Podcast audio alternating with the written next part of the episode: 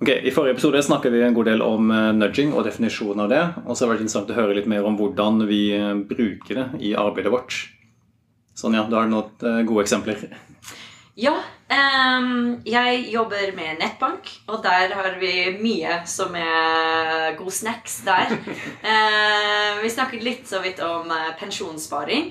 Der har vi laget et skjema, f.eks. et steg hvor du må velge hvilken type fond du vil spare i. Eh, som er veldig enkelt. Det er bare sånn to valg. En radioknapp, på en måte. Eh, men der har vi prøvd å nudge litt. Vi har brukt eh, social proof for å si sånn Andre som er like gammel som deg, velger den her. Kanskje det hjelper deg å ta et valg. Vi har brukt eh, illustrasjon som virkemiddel for å spille på liksom, den store kake eller den lille kake. Hvilken vil du ha? Eh, bare for å synliggjøre hva, som, eh, hva du skal få frem i tid, siden eh, ja, det er vanskelig eh, å prioritere det. Eh, men egentlig det er et veldig kult prosjekt vi jobber med nå. Så vi ikke har kommet så langt til den faktiske nudging enda, men vi prøver å finne ut av hvilke nudges vi skal bruke. Vi prøver å få flere folk til å sette til side penger rett etter de får lønn, for å betale regningene sine. Um, vi vet at uh, det er en veldig bra måte å gjøre det på, og gjør at flere betaler regningene sine i tid hvis de bare har de pengene satt til side. Men vi vet ikke ennå hvorfor folk ikke gjør det. Um, så akkurat nå som designer er mye av min hverdag går til den innsikten. Da, og prøve å finne ut av hvilke barrierer er til stede. Um, sånn at vi kan da motvirke det med, med nudging. Så eksempel er det fordi de ikke vet hvordan å gjøre det. Kanskje vi må synliggjøre hvor automatisk overføring er. Kanskje de ikke vet hvor mye de skal sette til sida. Så vi må hjelpe dem med en kalkulator bare for å gjøre det i hele tatt mulig. Eller kanskje de er ikke motivert til det. Den er vanskeligere. Hvis det er tilfellet, hvordan å påvirke motivasjon, det, det blir litt å jobbe med der. Men før vi går inn i detalj på det, hvem av dere gjør dette? Setter dere penger til side når dere får lønn? Til regninger? Prøver. Og så har jeg akkurat skifta bank, så da er hele systemet mitt har ramla sammen. Så nå, Ja. det litt, og nå, Ja. nå er jeg litt sånn der, eh, Nå får jeg sånne betalingspåminnelser eh, om ting som ikke har blitt betalt automatisk.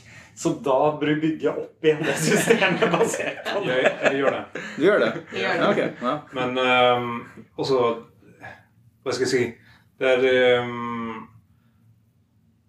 det, det ble litt vanskelig å gjøre akkurat den der, og det ble litt vanskelig å, å spare penger da jeg var, uh, var frilanser for en periode. Og da var det veldig viktig å gjøre akkurat den. Aha. Så det jeg har lært å gjøre, er å bare ha to kontoer. Mm. Og så ha én konto hvor alt betales fra. Men når du får lønn, så jeg teller ikke hvor mye jeg setter engang. Det er også 70% bare der, og så glemmer man det. Og regningen bare blir betalt fra den kontoen. Ja. Så det er en Altså du lager en prosess for å, for å overkompensere den hva skal jeg si, eh, den egenskap du ikke har, Ja. som er for meg å huske om regningene. Mm. Så det blir bare ja. Men det er mange biaser som kan forårsake at man ikke får til det. Du nevnte jo noen. Og, og det som er interessant her, og som er vanskelig da, ofte hos en kunde, er jo å si at hva som er riktig løsning, er helt avhengig av hva det er vi prøver å påvirke. Ja. Så det å finne det rommet til å liksom avdekke akkurat hva er, det som, er det som gjør at kundene ikke gjør det vi ønsker at de skal gjøre, Mm. er jo det er en øvelse som ikke alle ser verdien av. eh, Ja. For de hopper rett på løsning. Mm. Eh, og så må man ha gjort Og så må man ha sett det noen ganger for å se at det er nødvendig, og det er riktig. Og av og Ja. liksom bare se at ja, men hvis det er dette problemet her, så er det denne løsningen. Hvis det er dette problemet, så er det denne løsningen. Altså, Mm. Det er eh, veldig mye vanskelig i hverdagen vår knytta til akkurat dette her. Da. Det er akkurat det som er prinsippet i systems thinking. Da. Så du får, en, du får en rekke med forskjellige ting som du, noen av de kan påvirke, noen av de du ikke kan påvirke. Og så hvordan de forskjellige delene interagerer med hverandre, gjør at du får en emergence av et eller annet. Og det er noe som skjer med systemet. sant? Og det er, alle de systemene er også interconnected også. Så hvorfor du setter penger av eller ikke også Det kan ha så veldig mange forskjellige Mm. kulturelle grunn, eh, familiegreier også det, det kan være alt mulig rart. da. Og de tingene er også interconnected til systemer som ikke er dine. Som f.eks. din partner, som har en annen måte å tenke på. Og så plutselig hvordan hun eller han Ja. eh, er, er systematisert akkurat den biten der, kan påvirke systemet ditt. Ja. Det, det er akkurat det samme skjer med organisasjoner og alt, egentlig. Mm. Det er nok derfor det blir så veldig viktig å teste etterpå. Eh, jeg opplever i de digitale produktene, teamene jeg sitter i, så er det ofte veldig stort fokus på testing. Ehm, og det oversetter veldig bra da, til å jobbe med atferd, fordi du må det akkurat pga. alle disse andre faktorene som du ikke har kontroll på. Fordi selv om du har en veldig god call på hvorfor de ikke gjør setter penger til sida, da, man kan lene seg på forskning og på de biasene vi vet om, og utvikle tiltak for å påvirke det, men siden de sitter i en hel verden av kontekst som du ikke har kontroll på, det blir bare enda viktigere å teste at eh, de tiltakene du satte i gang, faktisk fungerte, og ga det resultatet du vil ha. Så eh, vi har en lang vei foran oss før vi fikser økonomien til alle sammen. Altså, en, en um, noen, jeg opplevde som noe veldig, veldig interessant hos en kunde, var at for um, Hva skal jeg si Også den um, um, Det man trodde, er at man skulle enkliggjøre de forskjellige tjenestene man hadde pga. en eldre målgruppe.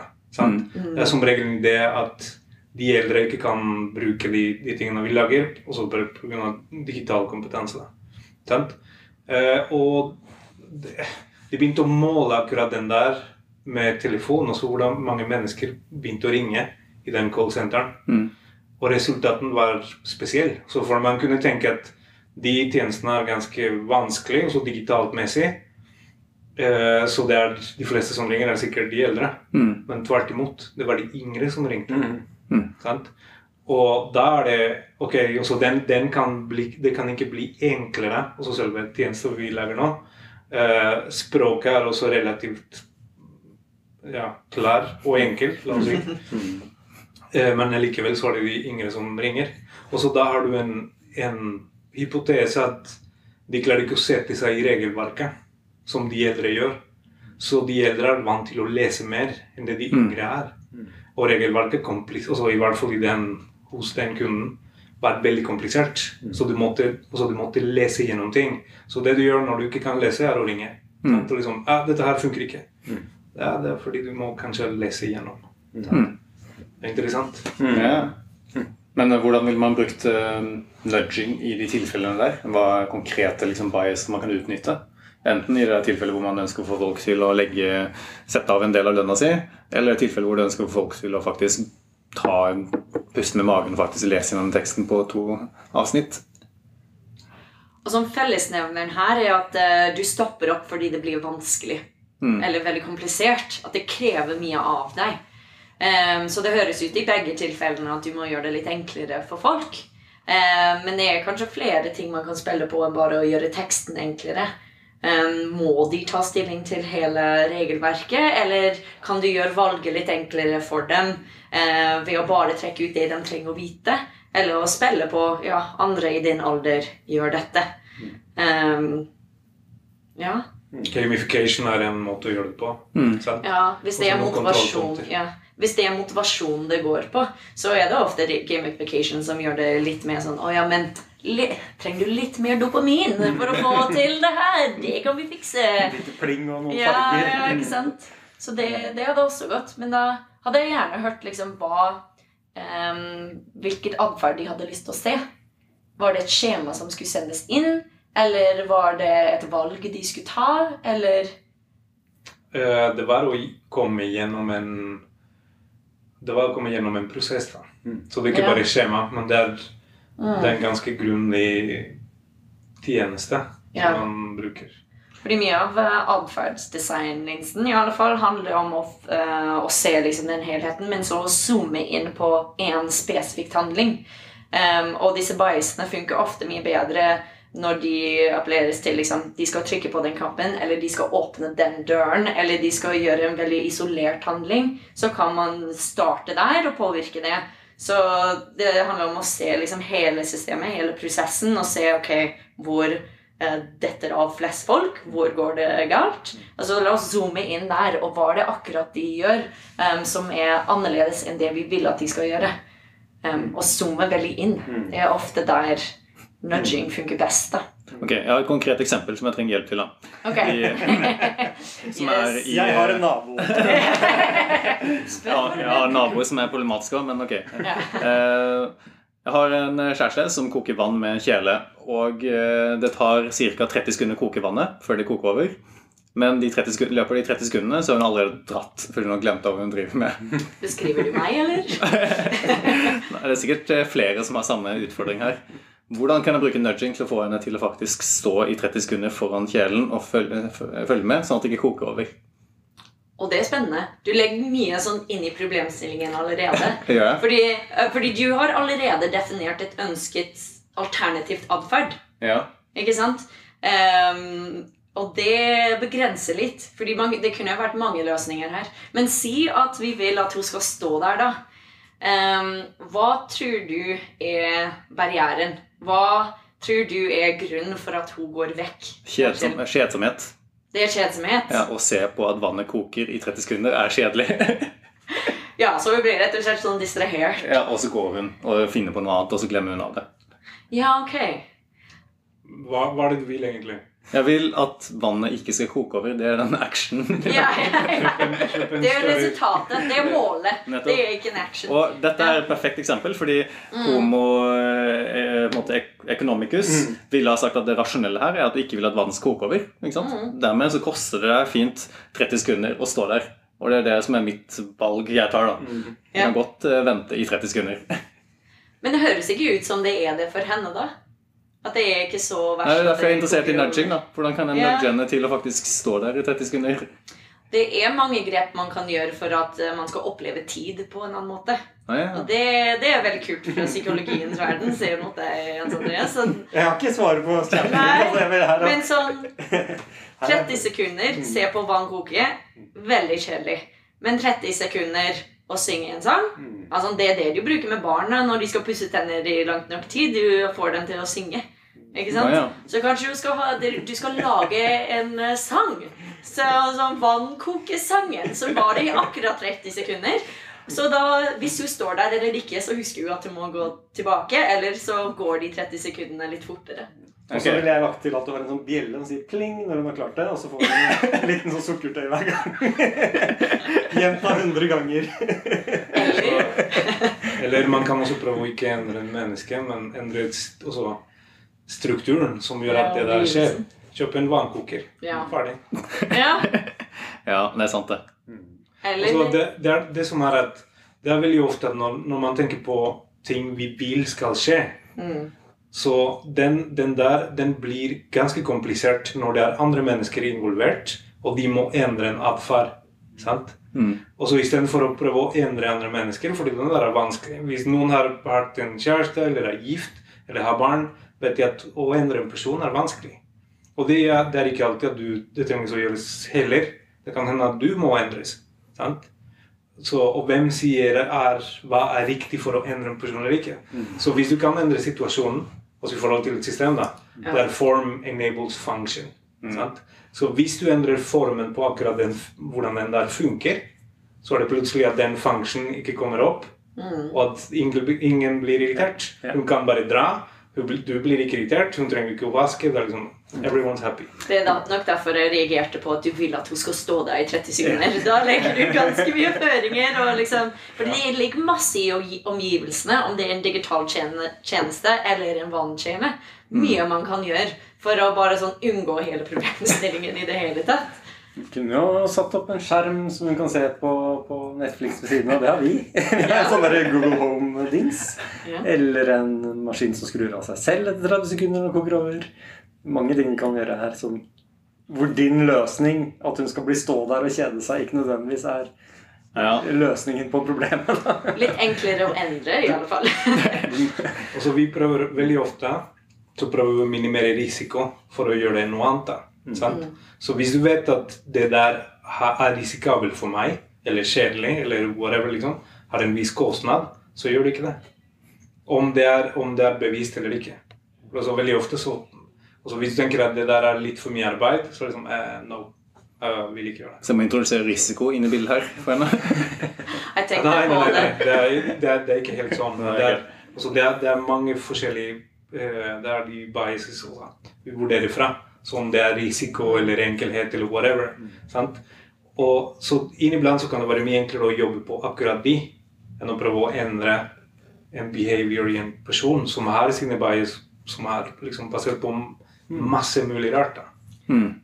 Men det er en veldig interessant diskusjon der, og sånn, å gjøre risikoen større. Altså, vi har et system hjemme av sånn, noe sånn teip. Hvis den blir våt, så skrus av vannet for hele huset. Så man kunne strengt tatt ha lagt teip rundt plate. Og så når det koker over, så skru av hele vannet. Og da blir det så mye ork. Og liksom, hvis det skjer, at da står du de 30 sekundene og passer på. Men det er en interessant sånn analogi til det vi gjør digital nudging. Det er mange forskjellige nudgings vi kan gjøre. Men vi må velge den som passer til situasjonen. Liksom, er det en overreaksjon til å liksom, øke risikoen så høyt at det faktisk blir vanskelig å koke vann? Eh, det er veldig spennende. Altså, jeg tror ikke det er det riktige valget. å Men det finnes, jo, det finnes jo allerede masse løsninger på det. Du har jo den der vannkoker, eller vannkjeler med sånn fløyte i. Ja, Mm. de er Liksom Som plystrer når vannet koker. Kanskje det er det du må ha? Ja. Du mangler en sånn. Men da er vi egentlig litt inne på eh, noe som er mer av en eh, etisk diskusjon. Det er jo Forskjellen mellom det å tilrettelegge verden for at folk skal ha det enklere valg, versus det å få folk til å lære seg måte, omstendighetene og hva det ting faktisk betyr. da. For eksempel, Vi snakket litt i stad om eh, eh, at du må lese gjennom eh, et regelverk for å kunne fylle ut et skjema riktig. på en måte. Mm. På en måte å løse det på er å fjerne all sludgen, all unødvendig informasjon. på en måte. Sånn at det blir lettere å skjønne regelverket som du må forholde deg til for å kunne fylle ut skjema. Men hvis du tar det liksom steget videre og begynner å si at folk i din aldersgruppe som bor i Oslo-området, pleier som regel å ta det valget der, så begynner du plutselig å forenkle det for folk såpass mye at de kanskje tar et valg som ikke er riktig for dem. på en måte.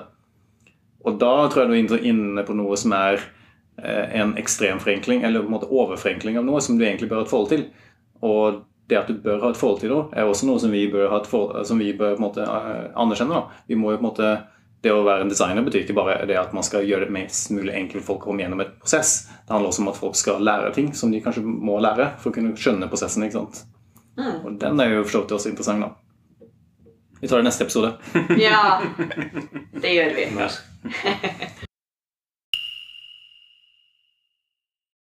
Drypp er en lavterskelpodkast fra Beck, hvor vi diskuterer diverse temaer som interesserer oss. Og hvis du har et tema som du har lyst til at vi skal snakke om, eller du vil være med på en innspilling, ta kontakt på drypp.beck.no.